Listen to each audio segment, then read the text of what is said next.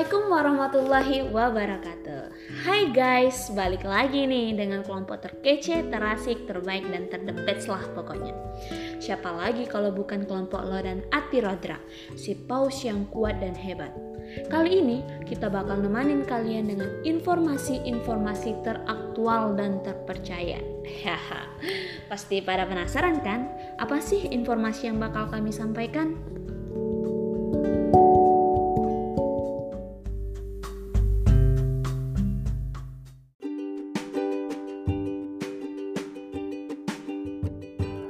Yap, kali ini kami bakal memberikan informasi tentang narkoba nih teman-teman Widih, seru banget gak tuh? Kalian pasti udah gak asing lagi dengan barang satu ini kan? Apalagi sekarang banyak banget kasus narkoba yang menjerat kaum remaja Bahkan tidak jarang seorang pelajar pun ikut terjerumus oleh barang satu ini Hmm, kalian pasti udah penasaran banget kan? Gak perlu lama-lama lagi deh, langsung aja yuk kita bahas apa sih narkoba itu?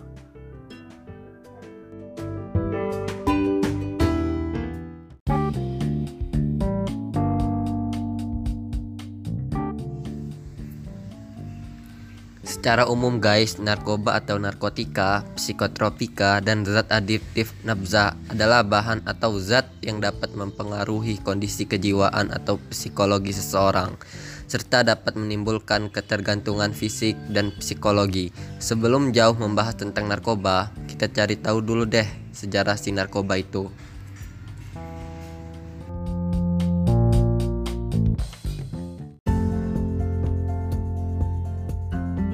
Awal adanya narkoba yaitu di Samaria pada tahun 2000 sebelum Masehi. Pada saat itu, narkoba dikenal dengan opium atau candu. Bunga opium tumbuh subur di dataran tinggi yang ketinggiannya mencapai 500 meter di atas permukaan laut. Penyebaran bunga opium ke arah Cina, India, dan beberapa wilayah Asia lainnya. Pada tahun 1806, dokter yang bernama Frederick Wilhelm Turner menemukan campuran bunga opium dengan amoniak. Campuran ini dinamakan dengan morfin, yang berasal dari nama dewa mimpi Yunani yaitu Morpheus.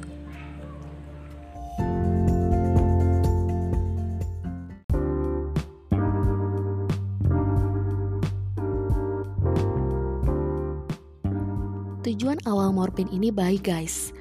Untuk pengobatan morfin sendiri, itu awalnya digunakan untuk penghilang rasa sakit yang diderita para korban perang saudara di Amerika Serikat. Namun ternyata malah banyak tentara perang yang ketagihan sama morfin.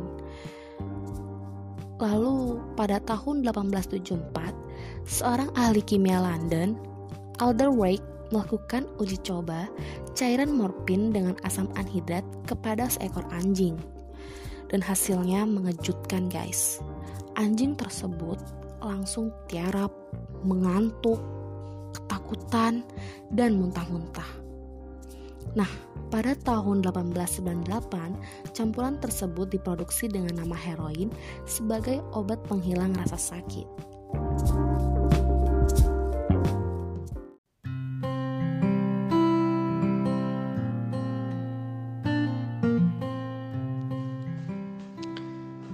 Di akhir tahun 1970-an, pusat penyebaran candu dunia berada di daerah Golden Triangle yang memproduksi 700 ribu tin setiap tahunnya. Karena tingkat tekanan hidup manusia yang tinggi dan teknologi yang semakin maju memberikan dampak yang cukup tinggi. Teknologi yang semakin maju membuat campuran-campuran morfin menjadi semakin mudah dibentuk obat-obatan.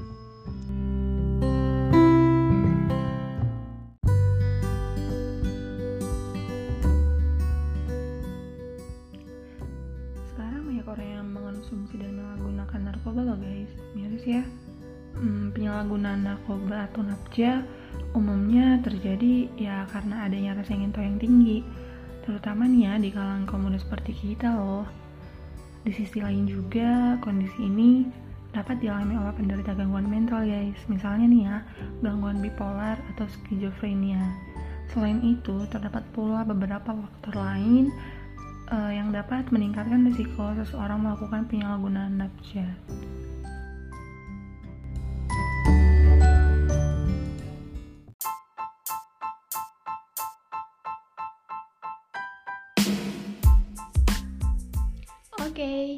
Lanjut ya. Faktor apa aja sih yang dapat meningkatkan resiko terkena nafza? Ini nih gue kasih tahu. Pertama, memiliki teman seorang pencandu nafza.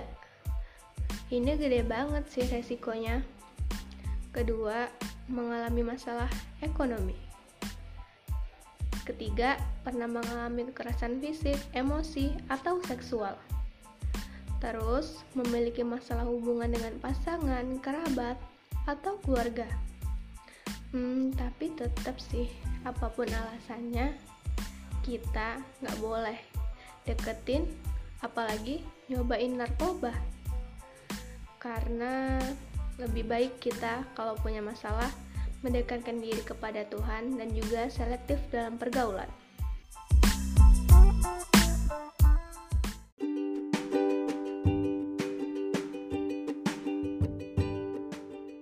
Oke deh, kalian udah tahu kan sekilas tentang si narkoba itu? Hmm, tapi kalian tahu nggak sih kalau pada dasarnya narkoba dan psikotropika adalah zat aditif yang berbeda loh kok bisa berbeda ya? Lalu, apa itu zat aditif? Aku jelasin ya. Zat aditif adalah zat-zat yang bisa menyebabkan ketagihan ketika dikonsumsi secara rutin. Bahan adiktif termasuk bahan-bahan alami loh guys. Bahan adiktif ini juga ketika kita mengkonsumsinya bisa mengganggu sistem saraf pusat loh. Wah, serem ya. Sistem saraf pusat kan ada otak. Hmm. Hal-hal yang termasuk bahan aditif adalah nikotin, kafein, alkohol, dan banyak lagi.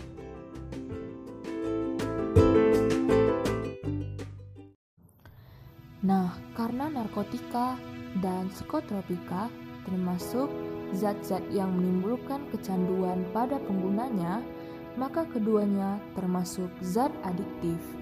Tapi, narkotika dan psikotropika tidak sama ya teman-teman, mereka berbeda. Terus apa dong perbedaan antara narkotika dan psikotropika? Ayo kita bahas bareng-bareng ya. Narkotika adalah zat atau obat yang berasal dari tanaman atau bukan tanaman baik sinetis maupun sintetis, yang dapat menyebabkan penurunan atau perubahan kesadaran, hilangnya rasa, mengurangi sampai menghilangkan rasa nyeri, dan dapat menimbulkan ketergantungan. Yang dibedakan ke dalam golongan-golongan sebagaimana terlampir dalam undang-undang. Narkotika bisa memengaruhi susunan saraf dan membuat penggunanya tidak merasakan apa-apa. Meskipun ada bagian tubuh yang disakiti. Yang termasuk jenis narkotika adalah tanaman papaver, opium mentah, opium masa yang termasuk candu, cicing, dan cicingko. Kemudian ada opium obat, morfin, kokain, ekonin, tanaman ganja, dan amar ganja. Banyak ya guys. Nah, gimana guys? Udah pada ngerti belum tentang narkotika? Oke, di sini gue bakal ngejelasin tentang psikotropika ya. Psikotropika itu adalah zat atau obat baik alamiah maupun sintetis yang bukan narkotika guys yang berhasiat suka aktif melalui pengaruh selektif pada susunan syaraf pusat ya yang menyebabkan perubahan khas pada aktivitas mental dan juga perilaku yang dapat kita bedakan melalui golongan-golongan sebagaimana terlampir dalam undang-undang ya.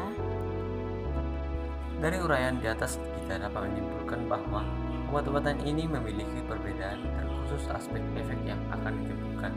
Artinya, psikotropika ini merupakan bahan-bahan atau zat-zat yang tidak mengandung narkotika, melainkan zat buatan yang dibuat sesuai dengan aturan struktur namun psikotropika ini bukan berarti aman untuk dikonsumsi, melainkan psikotropika jika dikonsumsi secara umum. Biar lebih jelasnya, yuk sekarang kita langsung aja bahas contoh-contoh dari narkotika, psikotropika, dan zat adiktif. Ingat ya, karena kita harus mengenal apa itu tentang narkoba dan apa saja macam-macam dari narkoba, tapi ini tidak untuk dicoba ataupun untuk disayangi. Oke, yuk langsung aja. Ini dia contoh-contoh dari narkotika, psikotropika, dan zat adiktif.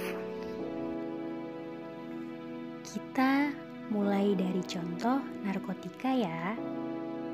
Yang pertama yaitu adalah morfin. Zat aktif yang paling banyak diperoleh dari tanaman opium. Penggunaan morfin memiliki efek samping berupa penurunan kesadaran, euforia, rasa kantuk, lesu, dan penglihatan kabur.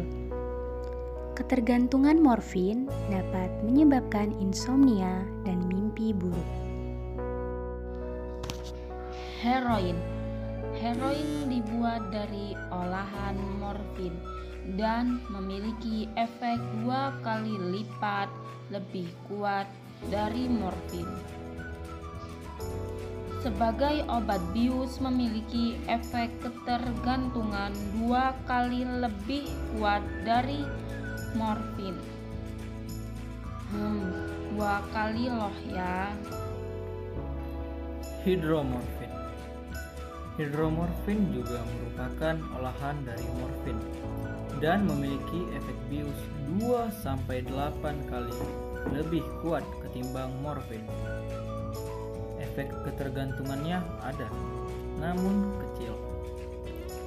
Maka dari itu, hidromorfin menjadi pilihan dalam dunia kedokteran saat pembiusan.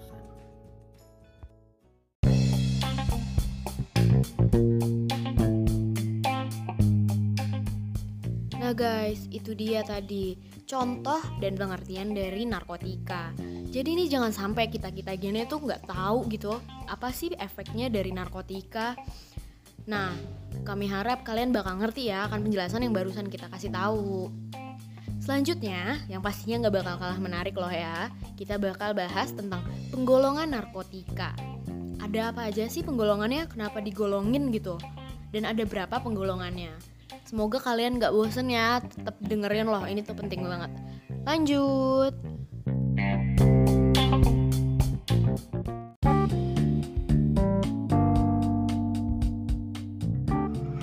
Narkotika golongan 1 Narkotika golongan ini sebetulnya bisa digunakan. Nah, bingung kan kenapa ya bisa digunakan? Eits, namun dalam jumlah yang terbatas ya, dan hanya untuk kepentingan pengembangan ilmu pengetahuan dan teknologi. Namun, penggunaannya harus dengan persetujuan Menteri dan atas rekomendasi Kepala Badan Pengawas Obat dan Makanan atau BPOM. Beberapa contoh narkotika golongan 1 adalah tanaman koka, tanaman ganja, kokain, dan sebagainya.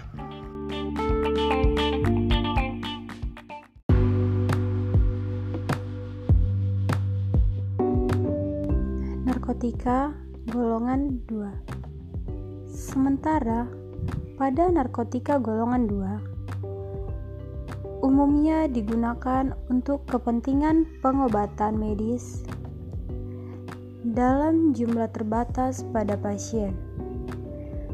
Beberapa contoh narkoba jenis ini adalah fentanyl, morfin, dan sebagainya.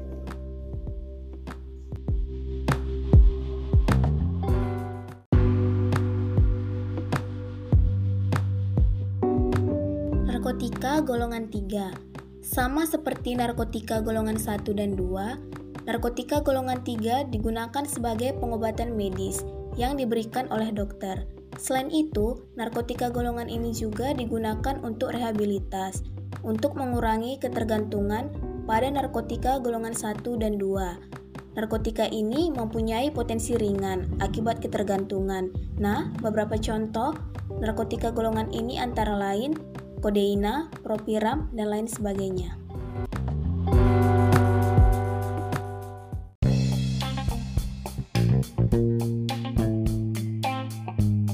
Oke, psikotropika ya.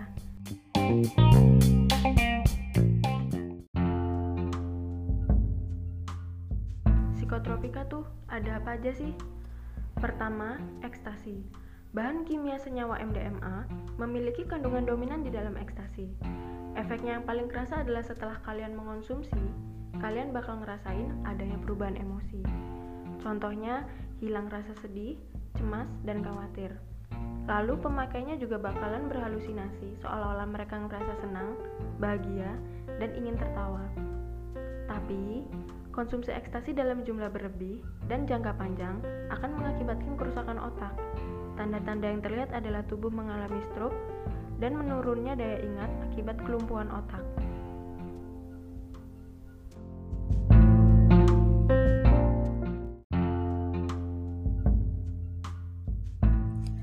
Contoh psikotropika yang selanjutnya yaitu sedatif.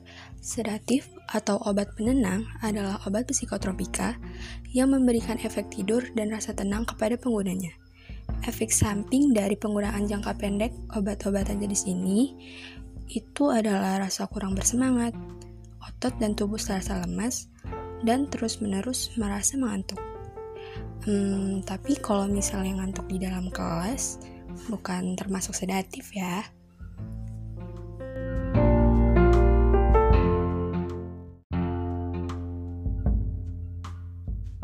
Sementara itu, psikotropika dibedakan menjadi empat golongan, antara lain psikotropika golongan 1. Sama seperti narkotika golongan 1. Psikotropika golongan 1 juga hanya dapat digunakan demi tujuan ilmu pengetahuan. Namun, psikotropika golongan ini memiliki potensi yang besar untuk menyebabkan ketergantungan. Contohnya adalah brolamfetamina, mekatinona, dan tenamfetamina.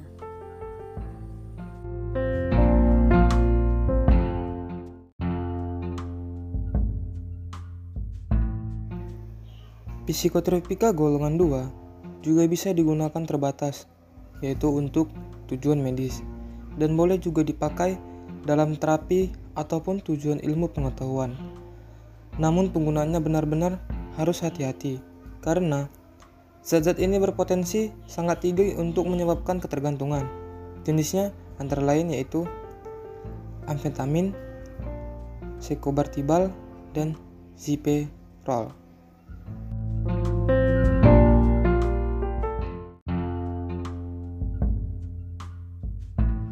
Psikotropika golongan 3 Golongan 3 umumnya digunakan untuk tujuan medis dan kerap digunakan untuk tujuan terapi atau demi tujuan ilmu pengetahuan. Zat-zat ini memiliki potensi sedang dalam menyebabkan ketergantungan. Beberapa contohnya antara lain amobarbital, katina, serta pentazosin.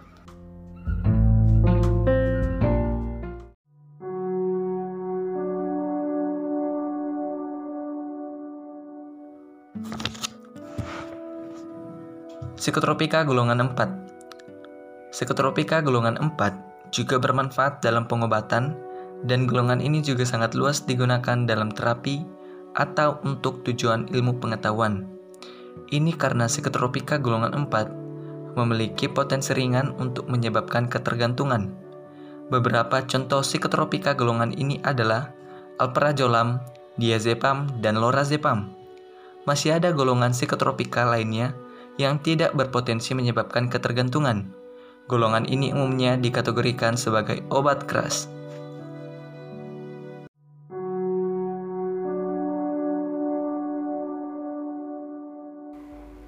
Asap rokok bisa menyebabkan penyakit jantung dan kanker paru-paru pada perokok pasif, yaitu orang-orang yang tidak merokok namun tetap menghirup asapnya.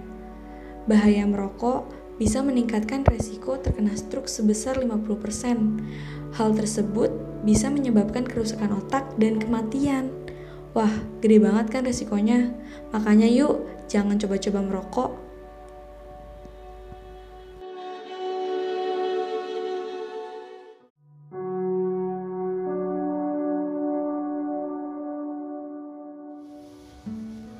Nah, gengs, masih ada contoh lain loh di zat adiktif, yaitu minuman keras dan alkohol. Kalian tahu nggak sih, apabila wanita dan pria meminum alkohol pada tingkat yang sama, maka wanita beresiko lebih tinggi daripada pria untuk konsekuensi medis yang lebih serius.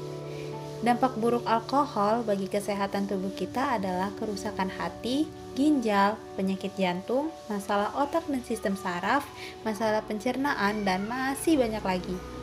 Serem kan gengs penyakit-penyakitnya? Dengan dampak buruk yang udah kita ketahui dari si nafza ini, kalian masih mau coba-coba?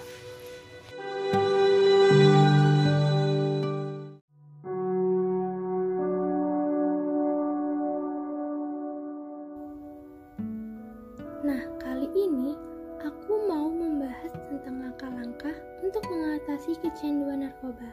Simak ya guys empat langkahnya. Yang pertama adalah pemeriksaan.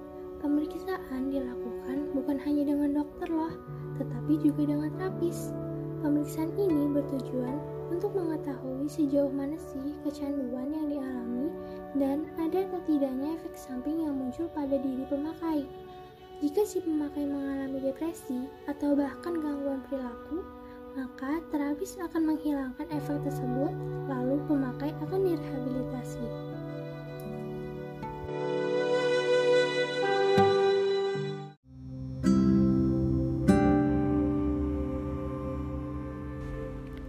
Detoksifikasi. Selama proses detoksifikasi, dokter akan meringankan efek yang tidak mengenakan tersebut dengan memberikan obat. Di samping itu, pecandu juga harus memperbanyak minum air agar tidak terkena dehidrasi serta mengkonsumsi makanan bergizi untuk memulihkan kondisi tubuh. Lamanya proses ini sangat bergantung pada tingkat kecanduan dan Gak lupa juga tekad yang dimiliki oleh si pemakai untuk sembuh. Nah,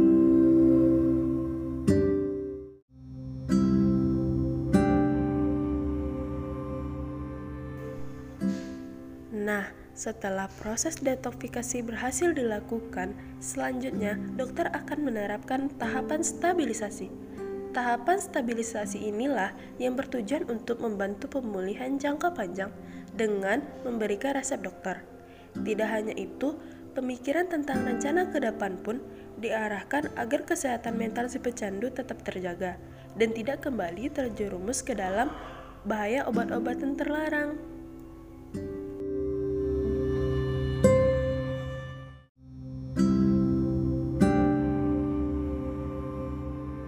Setelah proses stabilisasi berhasil, maka tahap selanjutnya adalah pengelolaan aktivitas, yaitu bagi pecandu yang sudah dinyatakan sembuh akan keluar dari rehabilitasi dan akan menjalani kehidupan normal.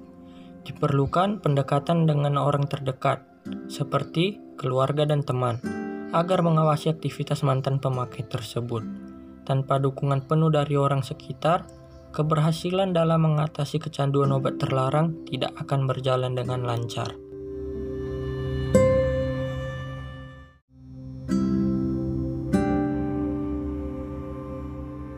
Selain dampak negatif dari penggunaan narkoba, sebenarnya ada loh dampak positifnya jika kita menggunakannya dengan bijak. Kuy, kita bahas apa sih dampak positifnya? Nih, ada dua jenis narkoba yang memiliki dampak positif jika kita menggunakannya dengan bijak. Yang pertama nih, ada LSD. LSD ini bisa mengobati ketergantungan, perawatan untuk depresi, dan menghentikan sakit kepala. Peneliti memberikan LSD kepada pasien kanker akut untuk melihat apakah dapat membantu mengurangi kecemasan. Sepertiga dari pasien mampu mengurangi rasa tegang, depresi, takut kematian, dan kesakitan. Terbukti, dia menjadi pereda nyeri yang efektif untuk sakit kronis. Yang kedua nih, ekstasi. Ekstasi juga memiliki dampak positif loh. Yang pertama, mengurangi kecemasan. Yang kedua, meringankan gejala Parkinson. Yang ketiga, perawatan untuk post traumatic stress disorder atau PTSD.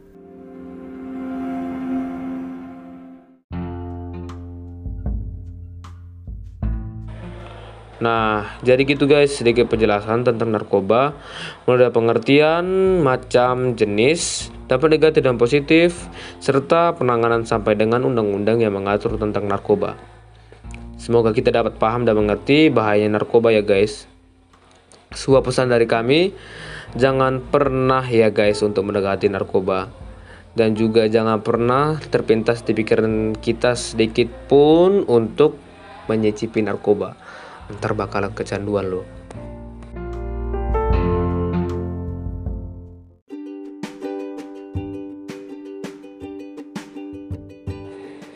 Oke, itu saja yang dapat kami sampaikan. Sampai jumpa, guys. Terima kasih sudah mendengarkan podcast dari kami. Jangan lupa jaga kesehatan ya. Salam Lodan Ati Rodra.